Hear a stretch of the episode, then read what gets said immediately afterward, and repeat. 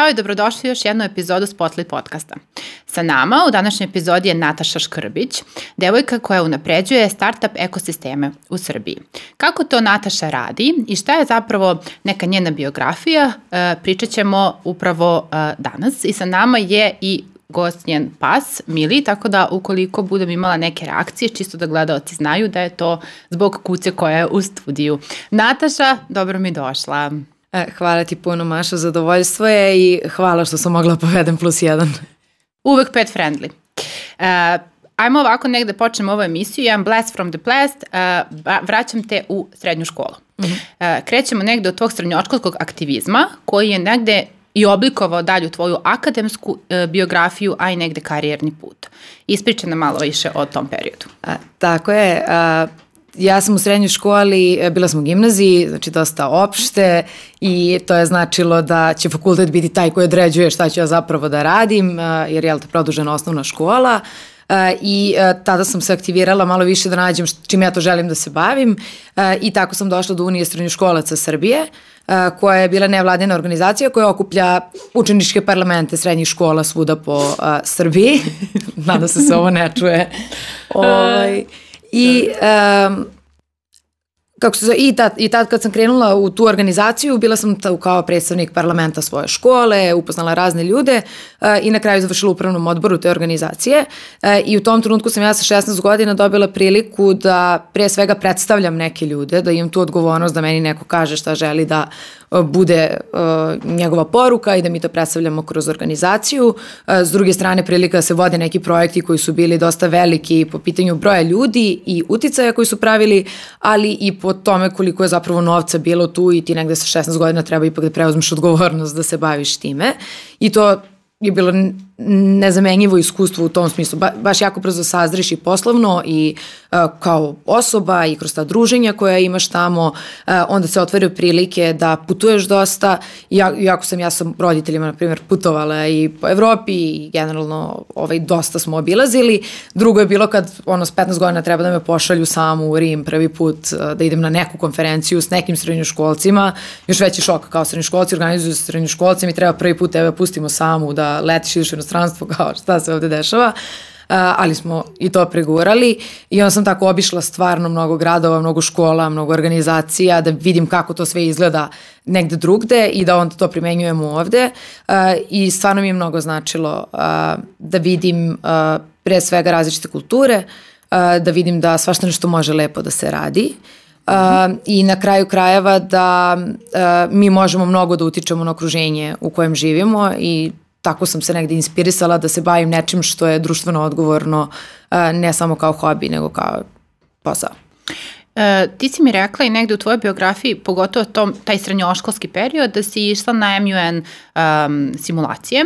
Ajde malo da osvetlimo šta je to. Dosta mladih zaista danas mislim da ima, ima priliku to da iskusi ukoliko rano sazna da tako nešto postoji. Eto, ja sam imala prilike da učestvuju u tome, pa ajmo eto zajedno da prodiskutujemo mm. koji su to uslovi, šta se to tamo radi, zapravo da to je jedna ja, jako, jako zanimljiva, pa kako da nazovem, konferencija ili eto tog nekog tipa.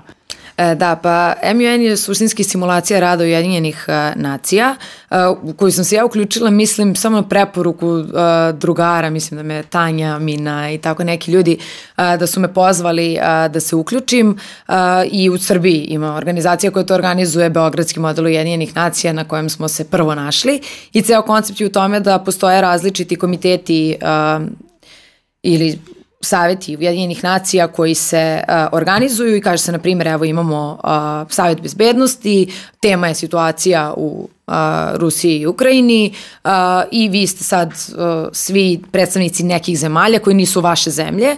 I imate određeni period da se pripremite za to, da istražite poziciju svoje zemlje i onda idete na konferenciju u ulozi znači diplomate te zemlje, da razgovarate o tome kako taj problem koji je postavljen može da se reši i na kraju je suština svega da se donese jedna rezolucija svih delegata uh, o toj temi i da to što više korespondira sa realnošću i time kako bi te države zaista reagovale. I mnogo je zanimljivo što smo na raznim MUN-ovima radili neke teme koje su bile aktuelne, samo da bismo videli da zapravo jeste bilo uh, na kraju rešenja u nekoj rezoluciji ili neka odluka ili neka izjava zvaničnika koja je bila slična tome, što znači da smo bili na dobrom putu.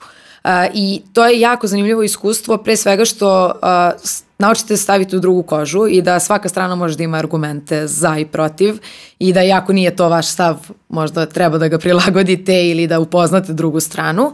E, druga stvar je što se ubacujete u cipele nekog drugog tri dana i stvarno su svi u nekim drugim cipelama ta tri dana i stvarno su užive u ulogu i nekog izađete iz svojih svakodnevnih okvira, opet iskusite nešto što bi moglo da bude vaš posao a, sutra na različite načine.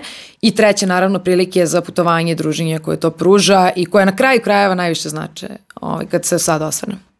Ja verujem da je to uticalo na to i da na kraju odabereš možda i političke nauke negde kasnije kao izbor u karijeri, fakulteta i, i generalno kasnije, ajde mm. i master, sve se nadovezuje. Zapravo sve kreće odatle i nadovezuje se kroz tvoju biografiju. E sad, ajmo te negde deo uh, fakulteta političkih nauka, neka tvoje iskustva, razmene, kako je to teklo? Uh -huh. uh, pa ja sam političke nauke, mislim da sam znala da ću upišem od osnovne škole i onda su srednje to samo potvrdilo. Mada kako je odmicala srednja škola, shvatila sam da fakultet neće mnogo značiti za posao. Uh, jer mene toliko stvari zanimalo i znala sam da mene diplomatija kao takva ne zanima, niti žene se bavi međunarodnim odnosima kao takvim da sad mi dogovaramo neke sporazume ili rešavamo sukobe i tako dalje. Mene je zanimalo kako mi možemo da učimo od drugih zemalja, kako to možemo da primenjujemo, kako one nama mogu da pomognu u tom razvoju koji mi želimo da postignemo i tako dalje. I onda mi je sjajna osnova bila FPN, E, I ako sam ja htjela odmah možda idem preko malo, ovaj, hvala Bogu, tato me ubedio da a, je bolje da završim osnovne studije a, ovde, jer ipak studirati političke nauke ovde mislim da ima svoj a, značaj ako želiš da ostaneš ovde, jer ipak treba shvatiti na koji način mi razumemo a, tu oblast i zašto je baš tako posmatramo i zašto smo mi kao društvo ili naši organi takvi kakvi jesu i ako želiš da menjaš nešto u tom društvu ili tim organima mislim da moraš da učiš o njima iz prve ruke. A, tako da mi to mnogo značilo a, i a, onda sam tu svoju želju da odem preko malo a, ipak iskoristila kroz Erasmus i razmenu a, kad sam otišla u Nemačku na šest meseci a, i to je takođe jedna stvar koja je možda krucijalna i voljela bih da svi studenti moraju, ne da mogu, nego da moraju da odu uh, šest mjeseci, jer nije pitanje priuštiti, s obzirom da dobiješ stipendiju koja pokriva i dom i troškove uh, i kartu i vizu ako treba, uh, a opet ono što ti daje je mnogo više od tog nekog fakultetskog znanja. A, koje su neke razlike u obrazovnim sistemima i šta je ono što je tebe zateklo ili možda šokiralo ili iznenadilo u obrazovnom sistemu Nemačke, odnosno na nas i način na koji oni tamo funkcionišu?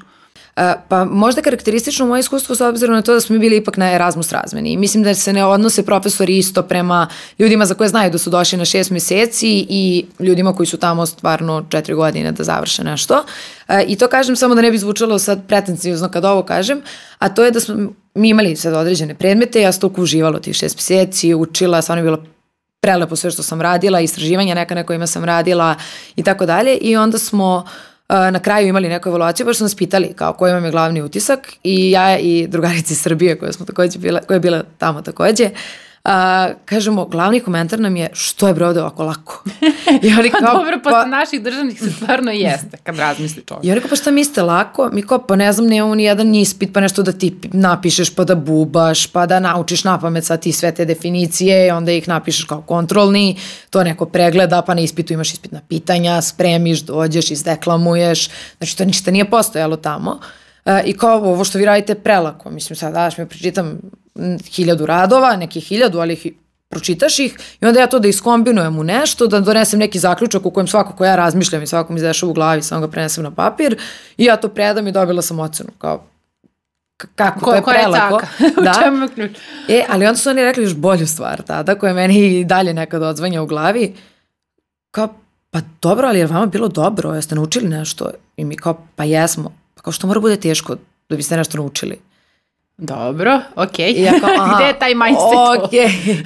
Kao, a, da, da, kao onda mi je bilo super. A onda sve deset, ovo, jer nama je bilo kao nismo plakale noću dok učimo, znači nije, nije bilo korisno. Ovo stvari je bilo jako korisno, mnogo se stvari nauči, ali je skroz drugačiji pristup uh, učenju. Uh, I nekako manje su grupe, slobodniji su ljudi, mnogo se više gleda ta interaktivnost. Uh, ređeš da sediš samo i slušaš ljudi. I timski rad i profesor više želi direktnu interakciju sa tobom, uh, a ne samo da oni pričaju za katedrom i ti slušaš, uh, što je meni bilo, na primjer, preznačajno, jer smo radili neke teme koje imaju smisla samo ako možda pitaš pod pitanja.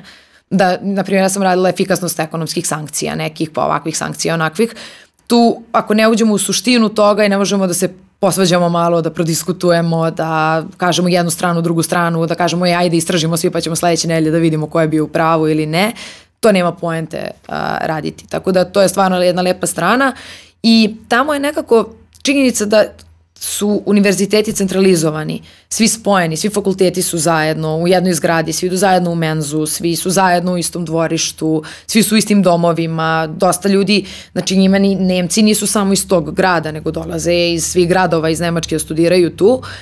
Ta zajednica je mnogo jača nego kod nas i to mi je isti utisak posle i za master i tamo i jedno kad pričam svim ljudima koji su studirali preko i nešto što stvarno mi je velika žal što u Beogradu ne postoji. Uh, je taj zajednički mentalitet, ja mi smo studenti univerziteta u Beogradu, nisam ja student fakulteta političkih nauka ili FONA ili ETF-a, ja sam student univerziteta i nevažno što studiram, mi smo svi deo jedne zajednice i zajedno ćemo na kraju biti deo ovog društva i tako dalje. Nakon nas više ima taj takmičarski mm. duh ko će više praksi, ko će svega više da uvede, da se internacionalizuje, tako nas jeste stvarno drugačije. Um, recimo, negde na fakultetu se možda i pojavila želja za tim prvim, pa ajde da ga nazoveme startupom, taj mm. filter app, ako je mogla da mi kažeš ti si ko osnivač, ko osnivačica, da budemo precizniji, uh, ka, šta je filter app i šta on radi, čime e. se bavi, kakva je to aplikacija? E, Filter app je bio uh, meni transformativno iskustvo, isto kao svi ovi prethodno što sam rekla, ali, ali stvarno je niz nekih iskustava koji su mi obrtali život na dva meseca i ja nekad kažem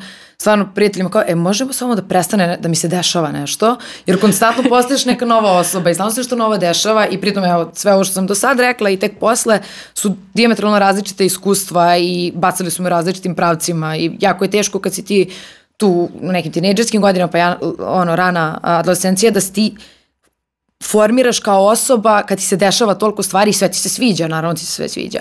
I onda u celom tom haosu i pre filtera su mi prišli Mina i Danijelo, drugari koji su zapravo osmislili ideju e, i pitali mene i Kaću, drugu drugaricu, da uđemo da radimo to zajedno. Tako smo mi bili taj, da kažemo, founding team pre. O, I počeli smo radimo na aplikaciji koja je za cilj imala da uh, unapredi vidljivost kulturnih događaja uh, u Beogradu, to je da ti sad, ti ja se sedim, kao ja hoćemo radimo nešto večeras, uđemo u aplikaciju, kažemo večeras do 800 dinara, šta ima od koncerta, izložbi, uh, predstava, o, da. filmova da. i tako mm -hmm. dalje, vidimo cenu, vidimo opise o čemu se tu radi i tako dalje, da bismo znali šta da radimo. Jer smo shvatili negde da postoji mnogo kulturnih sadržaja u Beogradu, ali možda ih ispratiš samo ako pratiš svaku instituciju posebno i ne možeš da vidiš uh, nešto. Uh, nešto onako čisto usput. E, I mi smo tu aplikaciju stvarno ovaj, razvili, e, stvarno imali smo i naravno tim programera, mislim četiri FPN-ovca prave aplikaciju, to je baš bilo jako zanimljivo, fokusirali smo se ono, na sve pogrešne stvari, kao da bude dobra aplikacija, da smo uključili sigurno sve institucije, da mi objasnimo institucijama važnost toga da oni budu prisutni online. Pritom pričamo o 2017. godini, kad to baš i nije bilo uh, Uh, i kupovat ćemo online karte Jest. i tako dalje. Znači, odemo u Narodno pozorište pa molimo, kumimo da nam daju, ono, napišete zvanični zahtev, pa ne znam, molbu, pa ovaj papir, onaj papir. I to je baš i onako bilo kompleksno, ali nama je bilo važno da sve institucije budu tu, da cijelo društvo to vidi, da svima bude pristupačno, ali smo razmišljali mnogo o tome kako ćemo da monetizujemo. Uh, I mislim da startup scena tad nije bila dovoljno jaka da podrži sve ljude koji su stvarno goreli za svoje ideje. Nije bilo dovoljno ljudi da ti kaže ej, ej, ej, fokusiraš se na pogrešne stvari, ajde sad nešto drugo da probaš pa će biti okej. Okay. Međutim, mi smo lansirali aplikaciju, uh, imali smo ako neke lep događaj lansiranja i uh, lansirali one godinu dana bila uh, dostupna, uh, imali smo stvarno lep broj korisnika, sad iz ove perspektive kao nekoga ko gleda startupe za investicije, kao definitivno smo imali lepe brojeve uh, za neke klince na faksu koji prave social impact startup. Um, tako da to je super išlo, ali na kraju onda sam tu ja otišla u Nemačku i neki drugi završili faks, drugi smo želeli da završimo faks do kraja i to je nekako smo odlučili da to treba da nam bude fokus um, u tom trenutku i onda smo je, ja ne da kažem da smo mi failovali taj startup, samo smo ga spakovali u fioku nazad. Uh, um, i možda čeka neko bolje vreme. Pa dobro, fast forward pet godina ti sad neko ko zapravo omogućava startupam startupovima dobiju investicije da se razviju, tako da to se nikad ne zna. Pa jesam, meni je tad bilo zanimljivije kad smo ušli u neki program koji je trebalo nas da podrži, da kao gledam drugi startupe, pa da njima nešto pomognem, pa kao kod organizatora dođem. I, znaš, možda je bilo bolje da organizujete mentorski program ovako, a da ovi idu ovde. Bilo mi je mnogo zanimljivije da drugima pomažem nego ja gradim neki biznis. I generalno mislim da je svima nama taj uticaj društveni koja je mogla da napravi ta aplikacija bio mnogo važniji od pravljenja biznisa i da nam, zapravo mi nikad nismo ni formulisali to kao cilj, da pravi to neki novac. Bio nam je cilj da stvarno promovišemo kulturu, što je dosta naivno u startup svetu i u a, biznisu. A, i, I dalje ne, ne osjećam da imam taj mindset da bi mogla da na taj način a, kreiram neki biznis. Mnogo mi je važniji dalje taj neki društveni, društveni utjecaj. E pa kad smo kod toga, uh, skačemo na tvoj master koji je zapravo možda i glavni deo uh, cele tvoje akademske biografije i uh, mislim da si mi rekla da je to baš nešto što si volela i želela da studiraš i da tebi jako bilo bitno da ako već ideš tamo negde to bude nešto što će da te inspiriše, ti bude lako da završiš u tom smislu, da ti bude lako da učiš i da to voliš. Yes. To je LSI u uh, Londonu, London School of Economics. Uh, reci mi taj proces upisa, aplikacije, kako je tekao, što baš LSI i zašto developmental, development management, mm -hmm. razvojni management, kako je to sve funkcionisalo? Uh, odakle krenemo? Uh, LSI mi je bio san baš dugo, jer sam nekako bila obstanuta Londonom. Znaš, kad si tinejdžer i gledaš slike, taj bio Tumblr i tako neke stvari. Uh, I gledaš... To preteča Pinteresta. Da. I gledaš, I gledaš neke stvari i onda su neki bili zaljubljeni u New York, neki u Pariz, ja sam bila u London i onda to je bilo tako wow, sve što se tamo dešava i uh, počela sam da negde razmišljam o tome kaš, kako bi ja mogla tamo nešto da odem. Uh, ja zapravo od 18. rođendana deo para, deo para roditelji ovaj, dala za to da odem na kurs engleskog uh, onaj od tri nedelje uh, u London, koji na kraju bio totalno bacanje para, pošto meni engleski već tad, ja sam imala nekih 17 godina, bio dovoljno dobar da stvarno nije to za taj nivo, znači obično se ide na nekim manjim nivoima, jel, um, na, na te škole, ali mi je bilo sjajno iskustvo tri nedelje, samo provedem u, u Londonu i da šetam i da vidim sve to. Uh, I mi smo zapravo te kurseve imali na UCL-u i ja sam kao bila tamo, nešto mi kampus bio previše neka biologija, previše nešto nije mi se sviđalo i ja kao javljam, e, znate šta, mama, tata, ovo i nije toliko, ali super mi je London.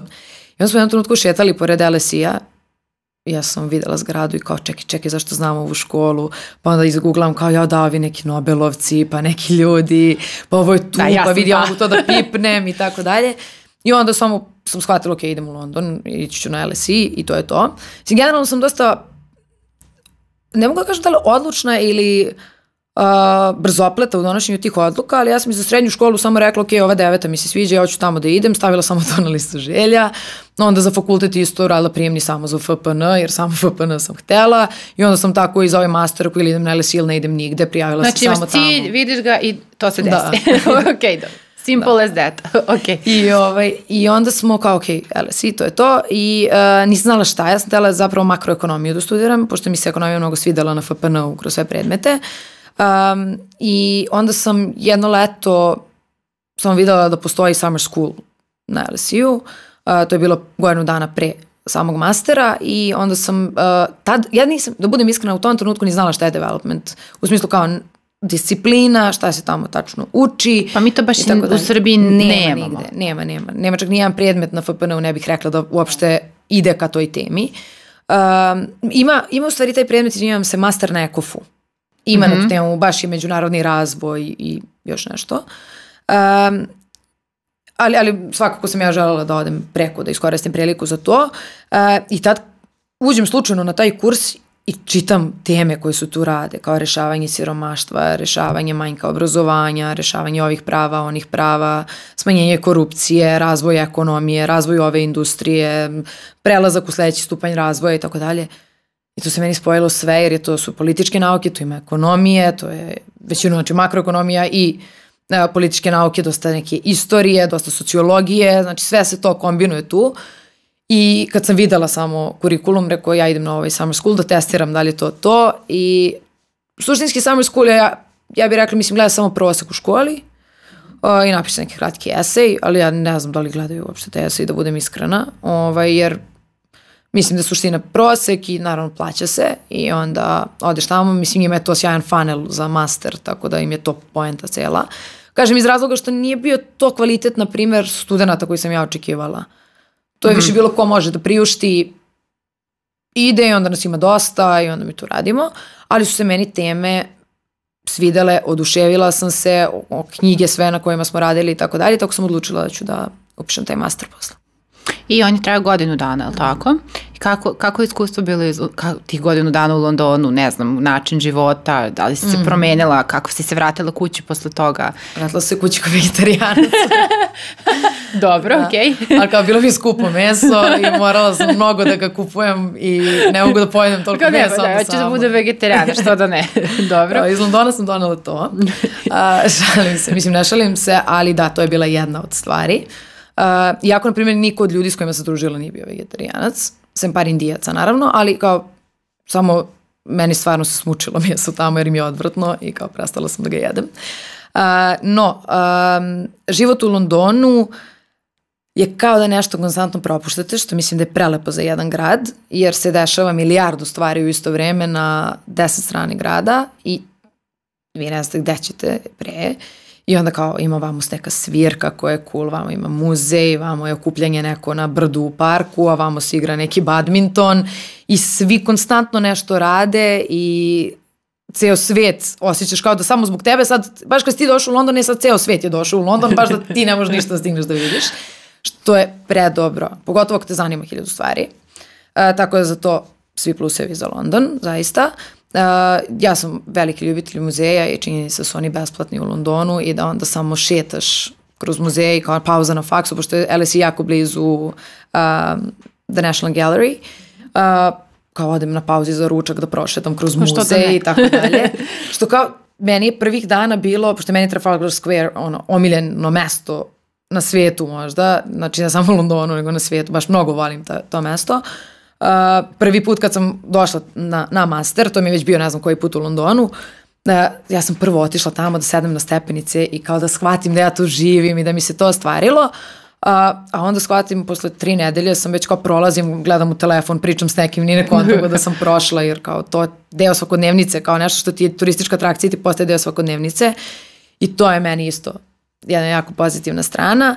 Uh, negativno je naravno vreme, to što svi jure, da. žure svuda, o, što meni ne odgovara. Ja generalno jurim i žurim mnogo, kad pričam i šta god da radim, ali onda mi prija da oko mene ljudi nisu takvi, jer ako ćemo svi zajedno da žurimo i jurimo, neće biti dobro ni po koga. E, tako su mi to uh, neki utisci oko života. Što se tiče fakulteta, uh, pa prijava mislim da ima ih i gorih. Ove, ovaj, mislim ti položiš engleski, imaš prosek na fakultetu. CV motivaciono. CV motivaciono. Preporuke. Uh, preporuke dve i to je to. Ali kao nemaš SAT iz IELTS, GRE, GMAT da. i tako dalje. Što iskreno meni je mnogo značilo kao u trenutku kad sam htjela da diplomiram, jer sam ja pravo sa fakulteta osnovnih studija otišla na master, značilo mi je da diplomiram na miru i da se ne brinem oko svih tih Jeste. stvari, a CA sam već imala položeno davno i onda je nekako to bilo Na, a, a kako je koncipiran njima master i ispiti, kako se polažu, te njihove one, gradinske ocene, kako, kako je to tamo? E, da, pa ocene su uglavnom, da kažem, opisne, mislim, ide od 1 do, do 5, e, ali je više, ono, da li je distinction, da li je merit, high merit i tako -hmm. dalje. Sad, pazi, ja sam malo, uh, možda nezakvalno osoba pričam o tome ljudima kojima je stalo do tih stvari. Naprimjer, ja sad iskreno ti ni čak ne dajem ruku da je bilo 1 do 5 ocena. Ja uopšte nisam gledala. Meni generalno to baš nije bilo važno. Bilo mi je važno na FPN-u, zašto sam znala da mi je to važno za LSI. U trenutku kad sam otišla na LSI, ja sam znala moram ga završim, da me niko nikad neće pitati s kojom ocenom sam ja to završila, niti da mi je važno da ja dobijem ocenu ili dobro uradim ispit, meni je bilo važno da ja stvarno upijam sve što postoji tamo i nisam želela da sebi uništim tih godinu dana time što ću samo da sedim i čitam i učim i da to bude tačno savršeno kako je profesor rekao. Uh, meni je bilo važno da sam ja pročitala sve te knjige koje su oni meni dali, da sam imala priliku da prodiskutujem njih sa svima s kojima sam želela i da sam imala prostora da pitam profesore sve što me dalje zanimalo. Jer LSI-ev moto i nešto što se meni mnogo dopada jeste knowing the causes of things. Znači da znamo zašto se nešto desilo, znamo uzroke i zaista je kultura učenja i predavanja takva da uvek beskonačno pitaju pitanje zašto. Šta god bilo, pitaju zašto i onda ti odgovoriš onda zašto i to smatram ključnim za političke nauke, razvoj. Pa razvoj kritičkog e, mišljenja. Tak, e. apsolutno, a pogotovo u našoj temi gde je sve diskusija. Stvarno, da. ne, mislim, ja se naljutim kad kažem političke nauke, generalno ne volim tako da ih zovem, po meni su nauke egzaktne, uh, zna se šta je tačan odgovor, znači 2 plus 2 je 4 i to je to. U političkim naukama ništa nije tako i tako i tako, nego smo mi to tako nazvali, pa mi to tako percipiramo i tako dalje. I drago mi što se tamo to sve dovodilo u pitanje jako mnogo. A, tako da to je prvi plus za učenje tamo, a, drugi je podrška u svemu što nije učenje, što daje univerzitet.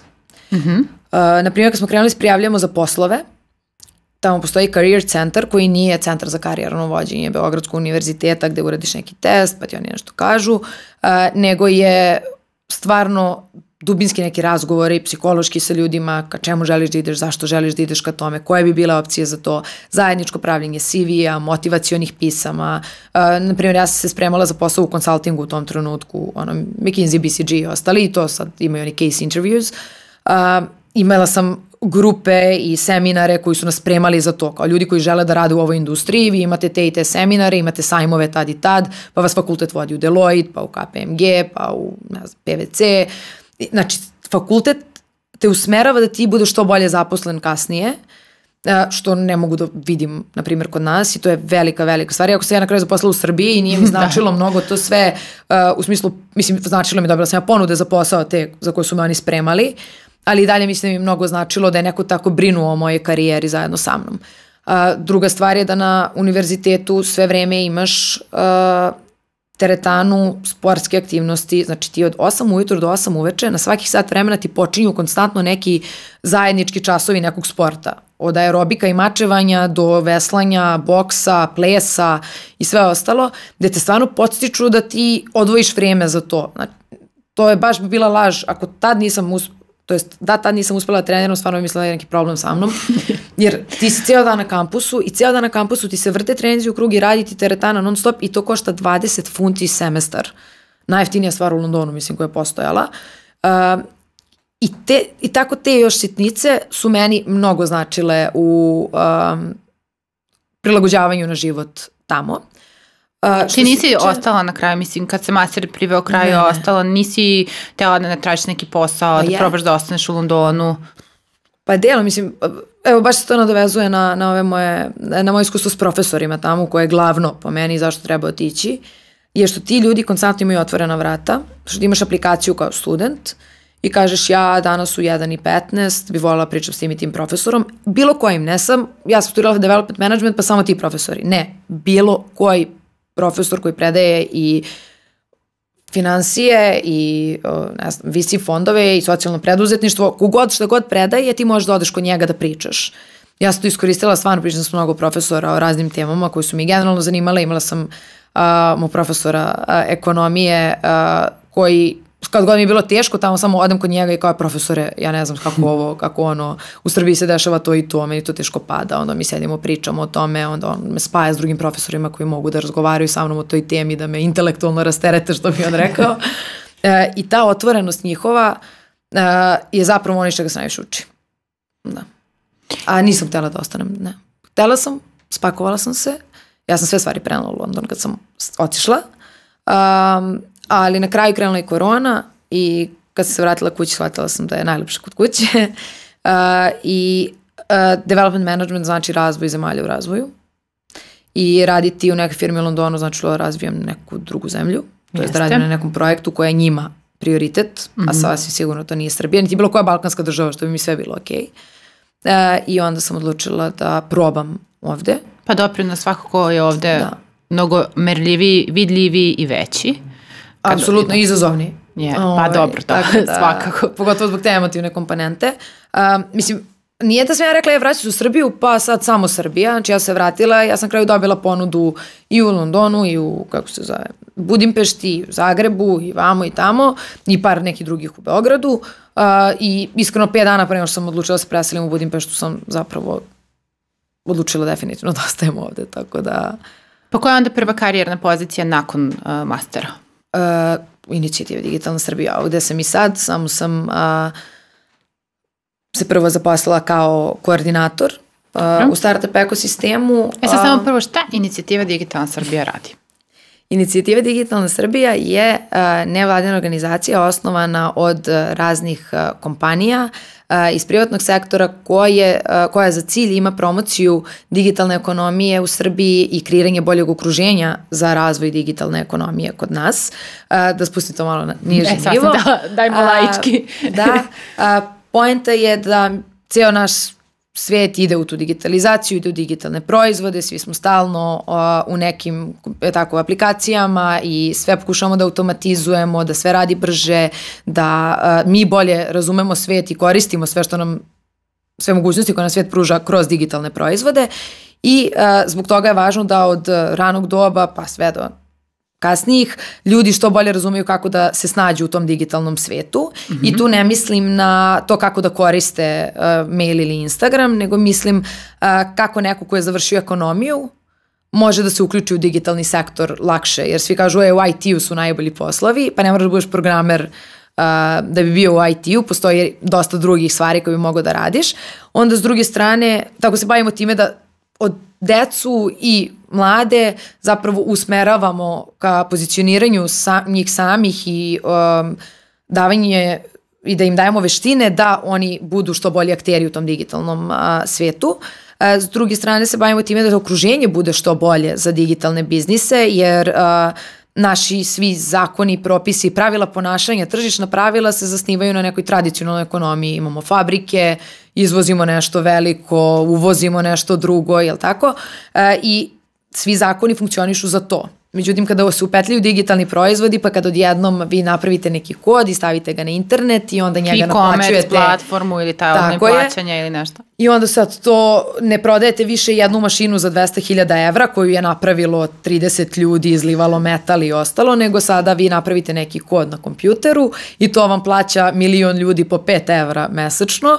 E to sve menja, tako da se mi trudimo da a, vidimo šta bi to trebalo promijeniti, da istražimo na koji način bi to trebalo promijeniti i na kraju krajeva da damo preporuke kako da unapredimo a, taj okvir u kojem posluju e, digitalni, digitalni ekosistemi. Da. Tako je. I treći sektor u kojem, koji trenutno ovaj, uh, vodim uh, sa, sa još par kolega uh, je uh, startup ekosistem.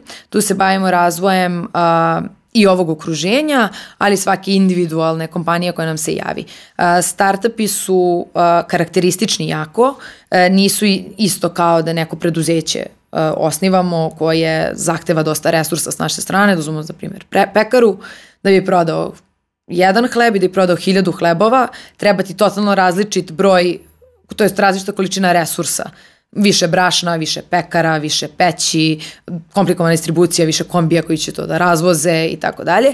A za startup, bez obzira na to koliko korisnika imaš, negde ti se ne menjaju ti troškovi e, toliko, jer milijard ljudi koristi Instagram, a nemaju milijarde zaposlenih. Uh, I oni su stvarno velika šansa za našu uh, ekonomiju. Uh, ja gde vidim da najveća šansa jeste u kreiranju tih kvalitetnih radnih mesta, u tome da će svaku, sve oblasti koje postoje mogu da se ukomponuju u startupe, a da to budu stvarno mesta na kojima ljudi koriste svoj pun potencijal i mogu da napreduju i, bud, i gde se zapravo pozdravlja da ti imaš nove ideje, da stalno nešto unapređuješ, a ne da si u kalupu u fabrici na mašini da radiš jedno te isto. A koja je tvoja uloga tačno?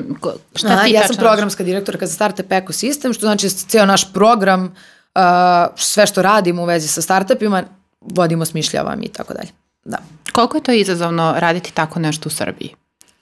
Pa mislim da je jedna od najmanje izazovnih stvari od svih koje bi mogle trenutno da se radi uh, iz razloga što je ovo jako mlada industrija, što su ljudi koji su u njoj uspeli, uh, to uspeli da urade tek skoro i dalje se sećaju svojih početaka jer su krenuli tamo poslije 2010. godine i sećaju se toga i sećaju se koliko je njima trebala pomoć na početku pa su oni spremni drugima da pomognu. I generalno startupi se smatraju negde za buntovnike malo, jer oni pokušavaju da disruptuju, Uh, uznemire. Pa, da, nije uznemire, Nije kao uznemire. da. Naruše. Uh, Disbalans. Da, e, tako je, znači da naruše neke postojeće uh, procese ili postojeće uh, Tradicionalne metode. Tako je, znači Da. sve što si pre nekako radio je startup će da kaže, e, ne tako, aj sad ja da ti kažem ovako drugačije.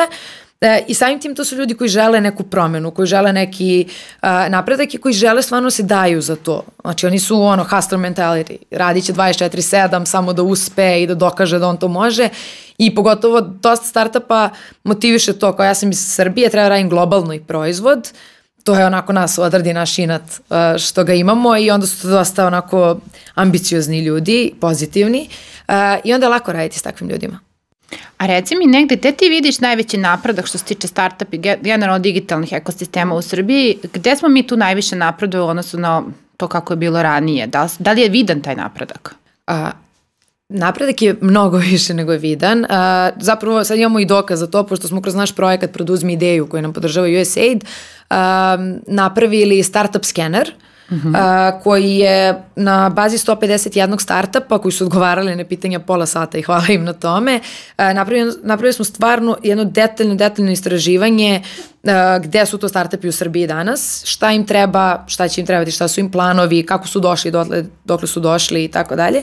I neke od stvari koje smo našli tu stvarno daju uh, mnogo razloga za optimizam uh, i pokazuju nam da smo daleko dogurali u odnosu na čak i pre pet godina. Imamo li Uh, neke mislim? statističke podatke? Mhm. E, na primer, uh, investicije u srpske startupe su pretprošle godine bile oko 20 miliona, prošle godine su bile 123.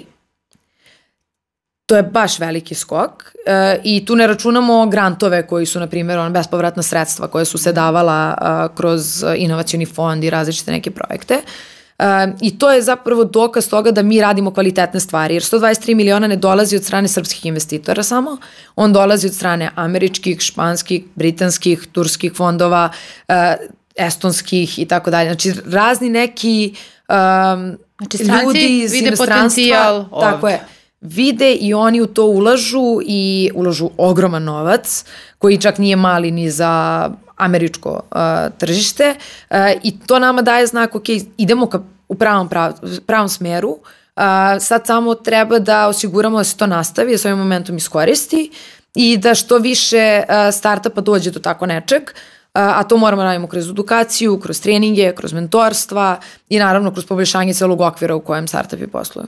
A gde ti vidiš da još ima prostora da se nešto unapredi? Gde Pa nam to svuda, još nešto? suštinski dok ne budemo bili Silicon Valley uvek ćemo imati šta da unapređujemo i mislim da ne treba nikad budemo zadovoljni, stvarno. Uh, ja sam presrećna ovim rezultatima, ali na primjer mislim da je on iznet najviše od strane samih startup osnivača. Da nije bila to zajednica koja ih je digla, nego su se oni sami izborili za sebe uh, zato što su bili dovoljno dobri, zato što su bili dovoljno jaki, složni, šta god. Uh, mislim da uh, sada je vreme da se oko njih formira zajednica ljudi, drugih osnivača, institucija, kompanija koje to žele podrže investitora, koji će onda zajedničkim snagama da guraju ekosistem dalje i da pomognu mnogima koji imaju ogroman potencijal, ali nemaju baš sve veštine ili iskustva. Ni, ni sredstva. Tako je, da ih uh, usmerimo ka uspehu. Koliko sad, je to sad vaša ta inicijativa Digitalna mm -hmm. Srbija, da li ona funkcioniše na principu članstava, da li vi imate neki, ne znam, 30, 100 kompanija, 100 startupa, ka, kako to, kako funkcioniše, mm -hmm. kako pristupiti i doći do vas, ako ste jedan mali startup? Uh -huh. uh, pa mi uh, generalno imamo uh, članstvo i tu su razne kompanije i to je dostupno uh, na našem sajtu, ali sa startupe uh, jednostavno mi pomažemo startupima na dnevnom nivou i svako uvek može da nam se javi, može mene nađe na LinkedInu, mm. da nađe koleginicu Nijedu na LinkedInu, da putem naše forme na sajtu se javi. Uh, mi smo tu stvarno za, za ekosistem, za zajednicu i znaju svi startupi koji su nam se ikad javili da stvarno potrudimo maksimalno da pomognemo na bilo koji način. Um, ako nije to neki nivo na kojem mi možemo da pomognemo, sigurno ćemo uputiti na nekoga ko može. Uh, I baš evo, na primjer, dosta smo upita tako imali gde mi baš i nismo nemamo ni resursa, ovaj, vremenskih, ljudskih, a, a, a, da se bavimo nekim temama ili nekim nivoima razvoja, pa onda upućujemo na druge a, e, institucije i da bismo olakšali i sebi samima taj proces, ali i svim startupima. Baš smo sad u saradnji sa Gizom za Ministarstvo privrede, na primjer, lansirali startup portal, mm -hmm. startup.gov.rs, na kojem se nalazi ogromna baza znanja pre svega o startupima, sve ovo što pričala šta su, da li si ti to ili nisi, kako da odradiš vrednost toga, kako da digneš investiciju, kako da nađeš podršku, template no raznih ugovora koji su ti potrebni i tako dalje, ali informacije gde možeš da se prijaviš za finansiranje, investiranje, da nađeš prostor za rad, da nađeš mentorski program i tako dalje. Tako da sad sve to javno i ovaj, onda mislim da je najbolje prvo da se pogleda tamo i ako tamo nema odgovora mi smo tu da odgovorimo. A dragi gledalci, jeste čuli portal, tačka, startup.gov.rs A, startup.rs, ok, zapamtit ću.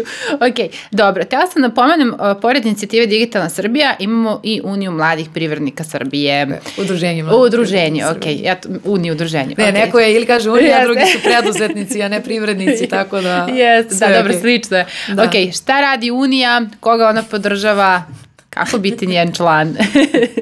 Oj, udruženje mladih privrednika je kreirano još 2013. godine od strane raznih mladih preduzetnika koji su rekli e, treba nam malo se više okupljamo, da više razmenjujemo s ljudima neka iskustva i da uh, pomognemo jedni drugima da se pozicioniramo na tržištu. Jer kad uđeš u posao sa 22-3 godine, na primer, jako je teško da ti razgovaraš s dobavljačima, da postaviš autoritet, da nađeš saradnike, da nađeš klijente i tako dalje, pogotovo u tradicionalnim biznisima.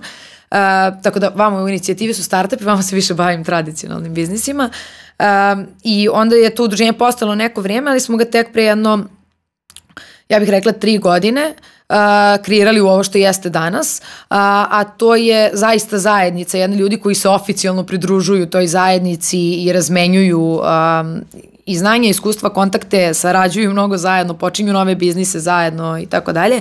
Tako da trenutno imamo skoro 100 članova a, iz cele Srbije, ljudi ispod 35 godina, neki su i preko 35, samo ovaj, ne mogu na papiru evo, da budu evo, evo upravni odbor. Evo 101. isto da se javim, da sam iz prve ruke videla da stvarno udruženje ovaj, super funkcioniše, tako da da je networking u stvari negde i vaš najveći cilj, da se mi svi umrežimo, da podelimo iskustva, da olakšamo jedni drugima taj preduzetnički teret tako koji je. svi nosimo. Ne, mi smo prvo bili fokusirani radionice, edukacije, webinari, još pre korone smo radili radionice svakog meseca, Međutim, tu dođu ljudi i mi pričamo nešto i mi smo sami shvatali, mogli su ovo sve da izgooglaju, mogli su online sad da čuju bilo šta na YouTube-u uh, i onda ih mi tu pozovemo, odradimo radionicu sat vremena i svi idemo kući.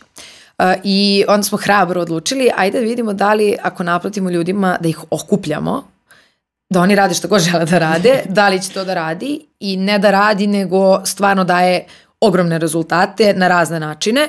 E, ceo koncept udruženja je to da spajamo ljude uh, koji su proaktivni, koji se bave nečim, koji nisu isključivo preduzetnici, namerno se zovemo privrednici, znači svi koji privređuju, znači možeš, možeš biti zaposlen u nekoj kompaniji, ali imaš ipak neki um, neku želju i ambiciju da stvoriš nešto svoje, da napreduješ na neki način. To nam je onako dosta važna stvar, znači da svi želimo nešto više od onoga što jesmo trenutno kad se okupljamo tu. E, I tu onda imamo sve od e, proizvodnja e, tkanina do startapa, poljoprivrednika, marketičkih agencija, advokata, baš onako sve što vam padne na pamet mislim da imamo ovaj, u ovoj ekipi i drago mi što su svi iz cele Srbije i što stvarno često okupljamo. Imamo ta druženja ja sad kad bih rekla, mislim da mi niko ne veruje, dok ne dođem, ali evo bila si, da. a, staviti ljude na jedno mesto, zatvoriti vrata kafića i reći, evo, ajde uzmemo piće i ajde samo da pričamo, znači ne moramo nikakav program da imamo, ne moramo da imamo nikakve vatromete, šampanjce, panele, nego ajde samo svi mi da sednemo ovde i s kim si se zadesio za stolom da pričamo i to je to. I stvarno to pravi najveće rezultate, jer sad mi imamo 80 i nešto ljudi koji dolaze svakog meseca da se vide, oni su postali prijatelji, postali su poslovni saradnici, svi jedni drugi preporučuju, dele među sobom prilike, savete i tako dalje, što daje zapravo najveću vrednost svima. Znači sve što možemo da izgooglamo, možemo da izgooglamo, ali baš da prijatelji i saradnike možemo lako nađemo preko interneta, mislim da još uvijek nismo došli do toga, pogotovo ne ovde, uh, i zato se mi okupljamo tako redovno i uživamo u tome. Svaka preporuka za udruženje mladih privrednika. Htela sam da te pitam dalji karijerni planovi, da li ti sad imaš nešto u neku viziju, da li je to inicijativa Digitalna Srbija i dalje, da li je neki NGO sektor, da li je neko preduzetništvo? A, svi me stalno pitaju, toliko tražiš investicije, startup, moćeš ti da kreneš startup opet. A, ali trenutno nijem ambiciju za tako nešto. A, mislim da smo u prethodnih godinu dana a, zagrizli možda više nego što smo što je trebalo ovaj kroz uh, inicijativu, ali da smo otvorili mnogo stvari, da smo saznali za mnogo izazova koji postoje u ekosistemu i ne bih se usudila da promenim karijerni put trenutno dok ne rešimo bar pola tih problema, a na dobrom smo putu to da uradimo. Uh, stvarno radimo jedno po jedno, imamo sjajne saradnike, sjajne partnere, prijatelje organizacije, startupi genijalno odgovaraju na sve što pokušamo da uradimo i uh, po meni ne, nema potrebe uh, raditi išta drugo jer se rezultati vide. Uh, zahvalna sam celoj zajednici na tome i znam da je zajednica zadovoljna onim što radi inicijativa trenutno i to me dovoljno ispunjava da, da trenutno ne želim da menjam, uh, ali verovatno bi bilo pametno, ne znam da će to biti tako, ali bilo bi pametno da sva ova znanja, iskustva, kontakte koje stičem kroz ovaj posao jednom iskoristim da ja napravim startup, ali vidjet ćemo. I za kraj, jedna onako tvoja poruka, nama je publika uglavnom, ajde, studenti, neki srednjoškolci, njihovi roditelji, pa pošto, ajde, gađamo mlađu publiku, šta bi njima poručala? Nemojte slušajte mamu i tatu kad smo bila roditelji. no. Ne znam kad smo u pripremi, smo pominjali tu temu i sad se setila toga. I ovaj, setite ovaj, ovo. ne, a stvarno, stvarno. Jo. Izdržali smo skoro do kraja. Do, dobro. Uh, sad, kao meni u posljednje vreme stalno, ne znam, da li roditelji uh, mojih drugara, nekih drugara poznanika ili prijatelji mojih roditelja, kada deca treba da upišu fakultet, kao aj pričaš malo sa njom njim da vidi on šta će i kako će. Ja stvarno uživam u tim razgovorima, ali ne volim što se dešavaju, jer prvo ne pozovu me ti koji treba da upišu fakultet, nego roditelji. Uh, onda su uvek roditelji tu Uh, onda uh, roditelji kao, ma da, ono će ovo, ali ja mu kažem, jel da, jel da, ako ne. Um, i, I stalno je taj neki pritisak, ja mnogo volim, prema moji roditelji, na najpozitivniji mogući način, nisu ni najmanje brinuli šta ću ja studiram. Oni su znali da ću ja budem okej, okay, da treba da studiram nešto što volim, da ću ja to da uradim, zato što takav odnos prema životu imam I njima je stvarno bilo nevažno. Ne znam da li bi sad mogli suštinski da, na primjer, objasne šta sam ja to tačno i studirala, radila, jer se kod nas kući nije pričalo o tim predmetima i tako dalje. To je bila moja stvar, moj život, kako ću ja to da odredim, imalo se apsolutno poverenje kako ću ja to da na kraju završim. I gledam tako, na primjer, i moj brat i tako dalje. E, I stvarno mislim da fakultet nije ključan ni za šta. Znači, ekstremno je važno iskustvo, ali za tvoj posao i život nije. Jer šta god radio, na kraju ćeš iz toga nešto da izvučeš i da naučiš i uticat će posle na tvoje dalje korake. Ukoliko si u prilici da studiraš ono što voliš, studiraj ono što voliš. Ako si u prilici da odeš preko, obavezno idi preko. Ne zato što je preko bolje, nego zato što i u Nemačkoj, u koju svi hoće da odu, je obavezno da se jedan semestar provede preko.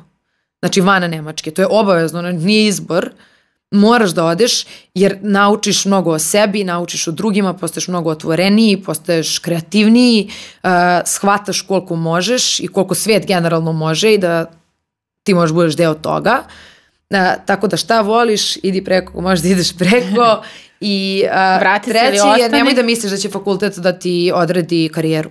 Znači, to baš nema veze s vezom. Evo, ja mislim da je na mene najviše na to šta ću ja da radim danas uticalo sve ovo van faksa što sam pričala nego sam fakultet.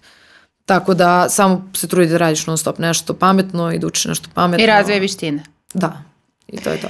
To je to. Nataša, hvala ti puno, stvarno jedna inspirativna priča. Hvala ti za sve što radiš, za startupe, za digitalni ekosistem, za uniju, udruženje mladih privrednika. Tako da mi se vidimo na pivu udruženju i sigurno kroz narednih par godina čisto da ispratimo šta se desilo u tvojoj karijeri novo. Hvala ti puno. Dogovoreno, hvala tebi puno.